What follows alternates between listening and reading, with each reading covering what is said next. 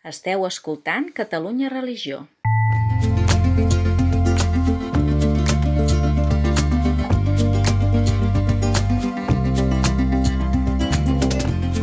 Converses en la frontera, un podcast de Gabriel Jaraba i Xavier Morlans.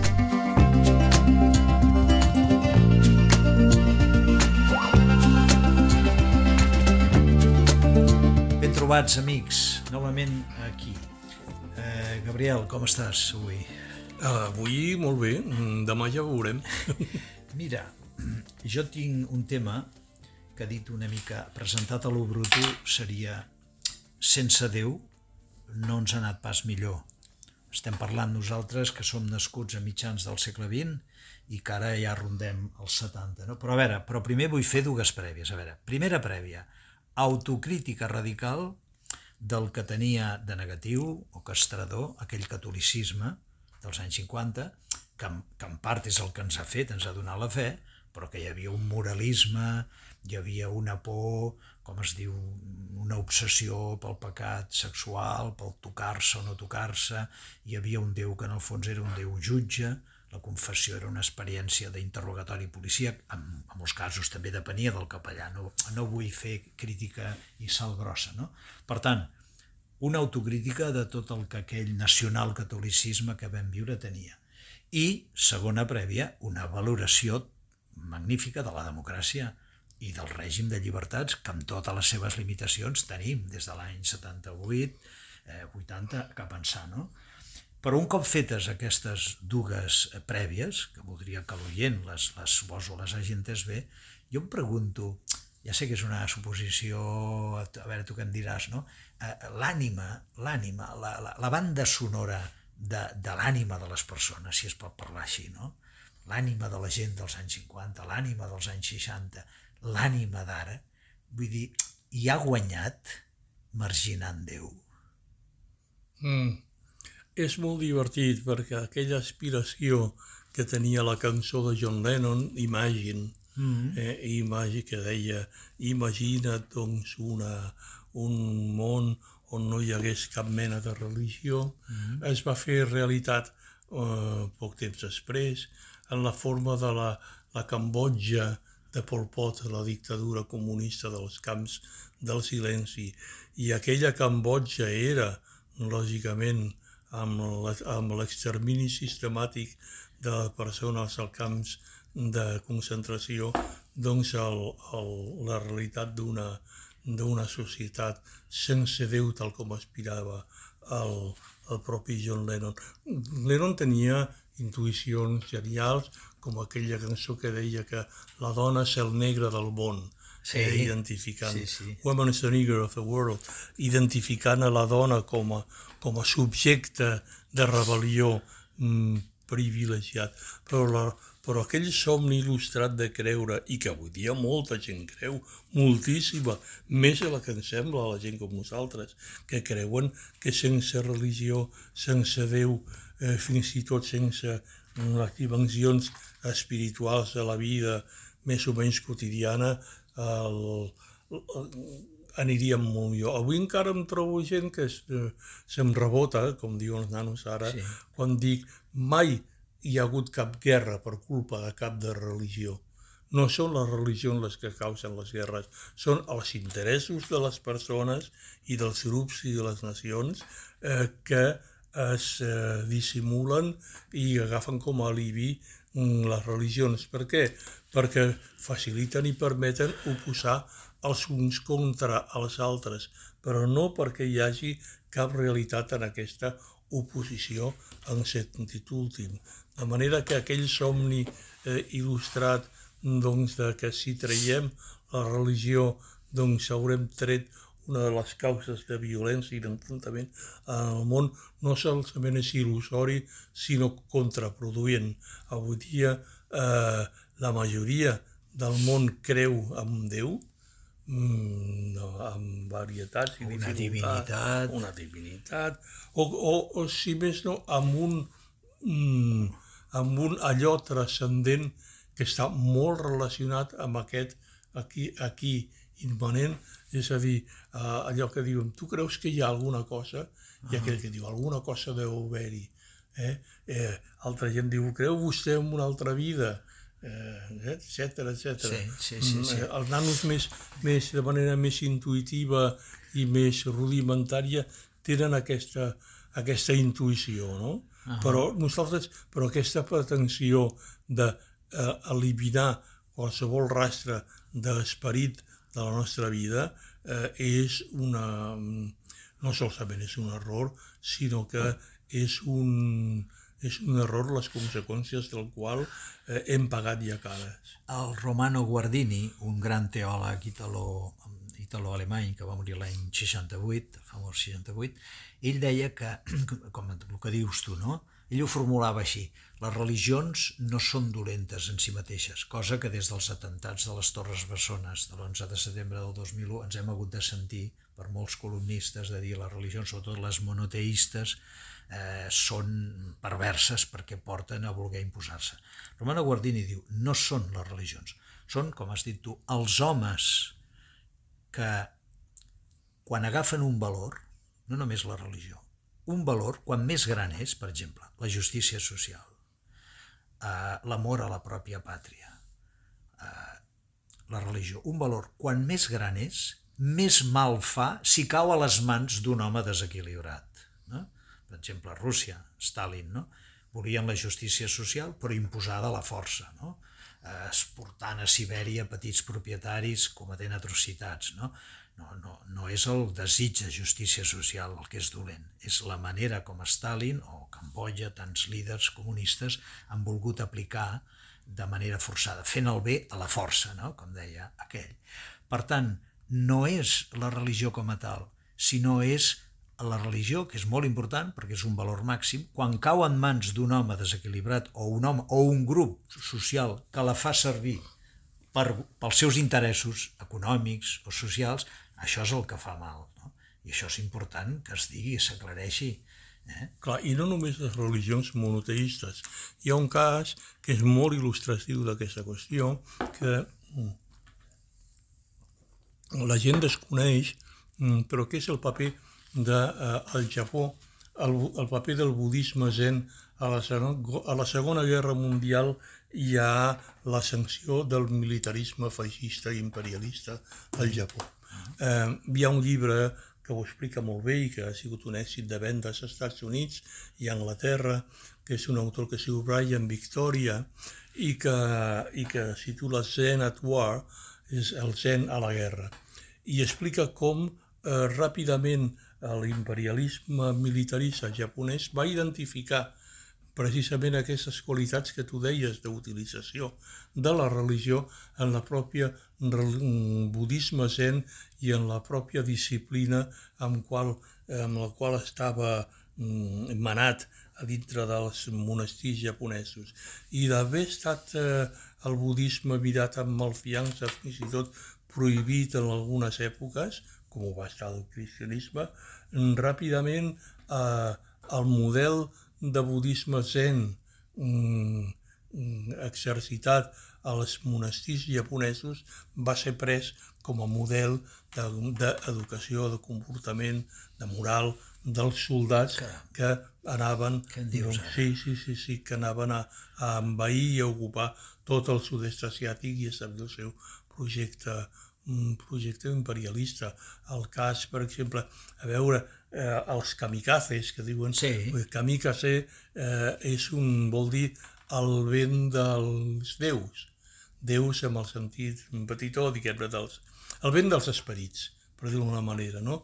I els kamikazes eren pilots suïcides basats en, en un esperit del nihilisme que ni és ni ha estat mai propi, no ha del zen, sinó del budisme, que en canvi van deformar doncs, a, a, doncs, a convertir-lo en la proposta doncs, a, de tenir pilots suïcides que ataquessin els vaixells de guerra americans. Un escriptor que va arribar a ser molt famós, Yuki Mishima, va certificar davant del públic, diguem massiu, doncs tota una estètica i lluança del harakiri, que vol dir tallar-se el ventre textualment, no? De la, de, ell, de... ell se'l va fer, no? Sí, va morir, exacte, finalment. Kiri de tallar i Hara eh, ventre. No? Aleshores, el, eh, aquesta mena de nihilisme va, ser, va arribar a esclatar d'una manera extraordinària durant la Guerra Mundial i així veiem doncs, que la disciplina i la del, dels camps on els presoners anglesos, per exemple, estaven internats al sud-est asiàtic, doncs estava sota el model, diguem-ne, del monestir, del monestir militaritz, militaritzat. Ja. Per tant, que la religió en si porta la violència, eh, ho hem descartat, argumentant-ho com hem fet fins ara, són els homes religiosos desequilibrats. Però no sé fins a quin punt encara plana la crítica de Freud de que creure en Déu és la projecció d'un desig infantil.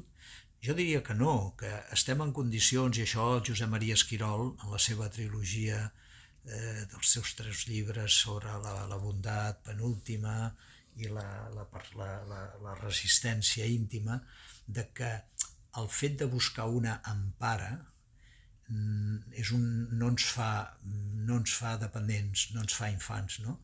L'empara de l'espòs, de l'esposa, l'empara de l'amic, quan necessites confiar-te, no?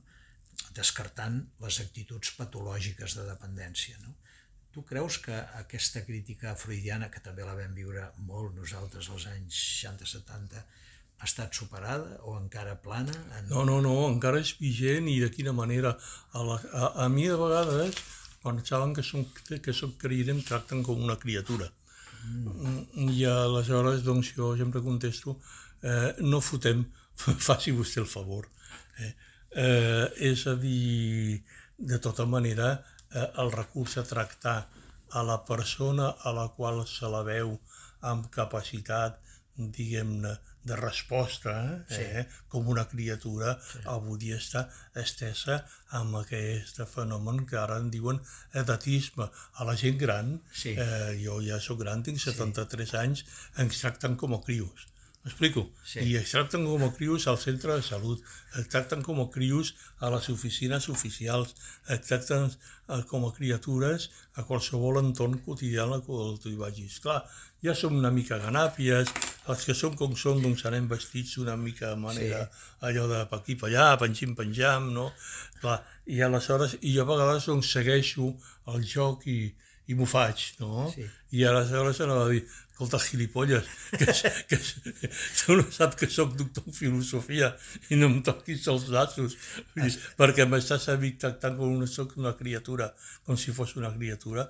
Es tracta de exactament això, l'esperit il·lustrat, en aquest cas encarnat en Freud, eh, tracta el venerable pensament i esperit de manera de ser, diguem-ne, de la tradició espiritual com un iaio xotxo, eh? que no, que no, que no s'aguanta els pets i que aleshores doncs, cal descantar-lo i menys li dir, mira el iaio. A mi m'han dit, a mi m'han dit, eh, quan, en les èpoques en què la gent estava més agressiva per Twitter, a mi em deien iaio, amb el sentit pejoratiu, ja, ja, ja, ja, no? ja. i em pren la pastilla. Ah, em prenc sis de pastilles, recoll no una, eh? Una i cinc més. Però, escolta... Però clar, escolta, és a dir, és una reacció, mm, és una reacció de disminució de la condició espiritual de la persona i la sí. reducció a la, a la immaduresa perquè és una trampa intel·lectual de primer ordre, ordre és una reducció de l'altre a una cosa dominable Escolta, que és simplement indecent. Que el Bruce Springsteen és del 49, eh? O sigui que en té 74, ja, ja, ja. i mira com salta. I, i, I Paul McCartney en té 80, i Mick Jagger.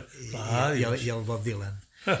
Escolta, doncs, per tant, Freud segueix, però també eh, reivindiquem la saviesa i reivindiquem la, la capacitat d'argumentar i sobretot la prova de la vida, no? Sí, perquè finalment si, si l'avi cuida del fill, si l'avi és el que dona suport a la filla en el moment d'iniciar un moment professional o en un moment...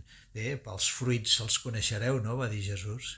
Clar, ja parlàvem l'altre dia d'escola de vida, no?, de la incapacitat i, en canvi, la necessitat que hi ha hagut, i més en aquesta època moderna, doncs, de la, la, de l'existència d'una escola de vida. És curiós perquè aquesta, abans aquesta escola de vida era tot arreu i era la vida mateixa. En la manera que, a la mesura que la, que la vida es compartimenta i s'especialitza, sí. segons el model industrial, també s'ha d'especialitzar aquesta escola de vida. El que, manera, el que, que el que passa que és que la proposta pedagògica en general doncs no, no ho incorpora. Alguns, com de certa pedagogia activa, Maria Montessori o la pròpia catalana Rosa Sensat, a l'Escola del Mar, volien incorporar elements d'escola de vida a les seves escoles i elements de vida a l'escola. Sí. Eh? L'escola del mar, l'artesania, l'art, eh, la, la, el contacte amb la, natura, amb la natura. Però mm, hi ha un cert garbuix que no sé què és, que fa que impedeix que es desenvolupi una línia d'escola de vida. Bé, jo crec que els avis i la gent gran han suposat sempre la presència d'aquesta escola de vida uh -huh. a les llars i a les famílies i als entorns. Eh, però eh, en la mesura doncs, que els avis ja no són útils, eh, ja no han estat útils, doncs han estat descartats i descartats uh -huh. mitjançant això de l'edatisme. Eh, el que passa és que passa una cosa aquí. Els avis ja no serveixen per res, no en tenen per res i, i tenen cap utilitat. Però per què serveixen els avis? Serveixen per pagar el que falta per pagar els gastos de la família quan els pares no hi arriben. Mm. I resulta que els pares i que els avis, si tenen una bona pensió o una pensió suficient, són els que acaben de fer arrodonir al final de mes. I aleshores què? Hi ha, per tant, edatisme, eh, és tan, eh, és tan in, no present l'absència la, la, d'escola de vida o estem embolicant-nos cap a unes altres situacions i maneres de relacionar-nos eh, en, la, en, la, en la família que ja no són les que eren i encara, i encara no sabem quines podrien ser. El papa Francesc insisteix molt en el diàleg intergeneracional, anima molt els, els, els joves a dialogar amb els avis i els avis amb els joves, perquè això és la manera de transmetre l'experiència, la, la saviesa. No? Hi havia una iniciativa que era que els nanos anaven, els joves, eh, anaven a escoltar els avis, sobretot sobre la guerra civil espanyola, no? i llavors el, els, els joves ensenyaven als avis a fer anar l'ordinador. O sigui, hi havia el relat de l'avi, que explicava les seves vivències de la guerra civil o de la postguerra, i el jove aprenia, el noi, l'adolescent, l'escolar, aprenia història viva, mm, de boca de l'avi, i el propi avi o, o un avi veí. I alhora l'adolescent ensenyava l'avi a usar l'ordinador per poder enregistrar aquestes converses o per poder escriure. No? Aquestes iniciatives són boníssimes, no? S'estan fent coses en aquest sentit. Jo crec que sí, i més encara, sense anar-hi directament a aquestes eh, aquestes activitats. Eh, eh, altres persones d'altres nacionalitats, especialment americans, però també alemanys i fins i tot francesos, queden molt admirats de la permeabilitat internacional, internacional, intergeneracional, vull dir, que hi ha a Catalunya i a Espanya. És a dir, els sorprèn veure la proximitat que hi ha amb els, amb els grans, sí. la, la, la facilitat d'accés amb els uns, amb els altres, amb, amb avis, amb tiets, amb cosins, és a dir, aquesta, aquesta família més horitzontal i més intergeneracional els hi sembla realment molt, molt, molt interessant i molt meritòria. Amb això n'hi hauria prou, diguem-ne, per tirar endavant aquestes coses. El que passa és que hem d'escenificar iniciatives com aquesta que deies, d'explicar la guerra, però només que ens espaviléssim una miqueta i trobaríem possibilitats molt grans. Clar, dius, dius, en motiu de què es troben físicament junts persones de 74 anys, persones de 50, amb persones de 30 i amb persones de 14. Les trobades familiars, les esglésies, les comunitats cristianes, i a més a més es canta, tu. Encara es cantem, canta, eh? Clar, encara cantem.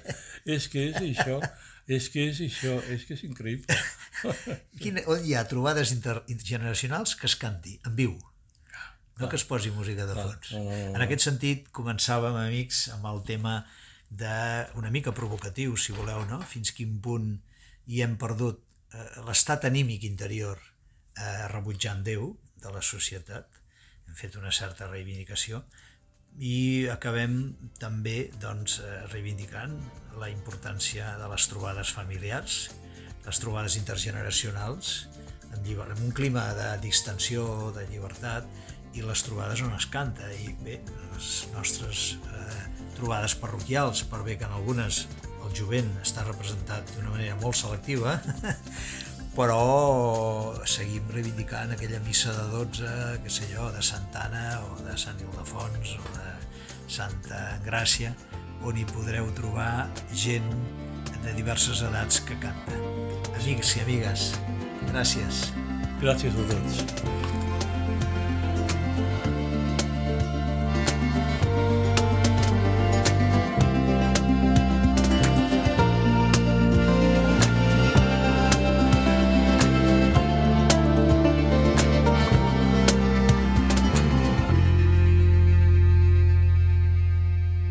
Religió